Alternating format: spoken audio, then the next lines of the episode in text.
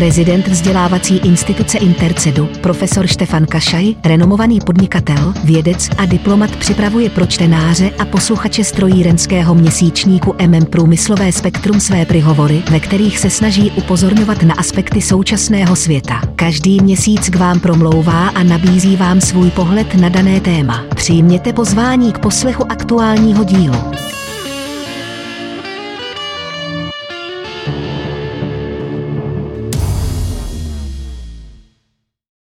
Podľa akého programu je človek zostrojený? Často si dávame vysoké ciele, riskujeme, ideme dopredu hlava nehlava.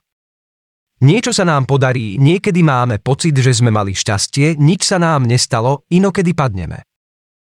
Myslím si, že máme pri sebe anielov strážnych na prvom mieste, naše manželky, ktoré nás jemne upozorňujú na nebezpečenstvá a keď ich neposlúchneme, tak nám doma fúkajú rany. Keď mi rozprával priateľ o tom, akého ma vidí v mojom živote, že má pocit, že som vždy išiel proti prúdu, bol som veľmi tvrdohlavý a spôsoboval som si tak veľa problémov. Dnes sa skôr človek stretáva s tým, že ľudia v záujme dosiahnutia svojich cieľov robia kompromisy, obetujú svoj názor a presvedčenie, vezú sa v prúde. Zhodnotím moju tvrdohlavú životnú cestu z perspektívy 80. rokov. Z veľkej časti sa za takmer 30 rokov môjho pôsobenia v IDC Holding veľa dosiahlo výsledkami riešení závažných otázok v projekte Podnik a podnikanie a následne napísaním a vydaním pentalógie s rovnomenným názvom a v knihe Binárny kód.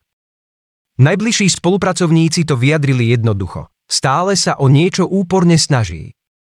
Len čo niečo dosiahne, už sa ženie za novým cieľom, pracuje vytrvalejšie a intenzívnejšie než ľudia okolo neho, ale pocit uspokojenia, o šťastí ani nehovoriac, nenachádza. Teraz je na vrchole svojich síl a možností a aké je zvláštne. Zdá sa, že stále nevie, podľa akého princípu je zostrojený, v akej architektúre a s akou logikou pracuje jeho software. Memorandum života.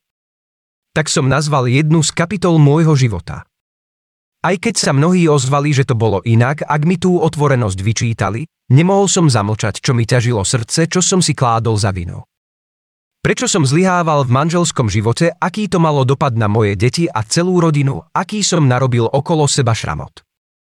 Bola to moja spoveď, bol to rozsiahly spis, zamyslenie sa nad tým, ako som žil a pohyboval sa v nekončiacom bludisku pocitov, nápadov, životných alternatív. A hlavne, ako by som sa mal zmeniť k lepšiemu. Kniha Kašajov princíp je úprimnou spovedou, aj keď čiastočne tabuizovanou. Je to akoby memorandum života. Dnes si veľmi uvedomujem, ako je dôležité starať sa o deti, pomáhať im formovať svoje myslenie, nebyť k ním násilný v presadzovaní názorov a rešpektovať ich osobnosť. Avšak starostlivosť a snaha byť pre deti príkladom sa nemusí ujať. Ak som ako otec bol príliš prísny, dosiahol som pravý opak. Ale na prospech rodiny som urobil všetko, čo sa mi javilo užitočným, iba že som nechcel vychovať panské deti. Učil som ich pracovať, prácu som vždy deklaroval ako činnosť, ktorá prináša nové hodnoty. Nemôžem povedať, že sa mi v tomto smere darilo, ani to, že vždy sme mali medzi sebou harmonické vzťahy. Dnes sú moje deti dospelé, majú svojich životných partnerov či životné rozhodnutia a žijú si svoj život. Možno aj vďaka prechádzajúcim skúsenostiam dnes žijem v šťastnom manželstve. Aké rany mi život nadelil a ako som na ne životu odpovedal s mojim vlastným presvedčením. Môžem teda najisto povedať, že príčinou všetkých sklamaní a bôľu som bol ja sám.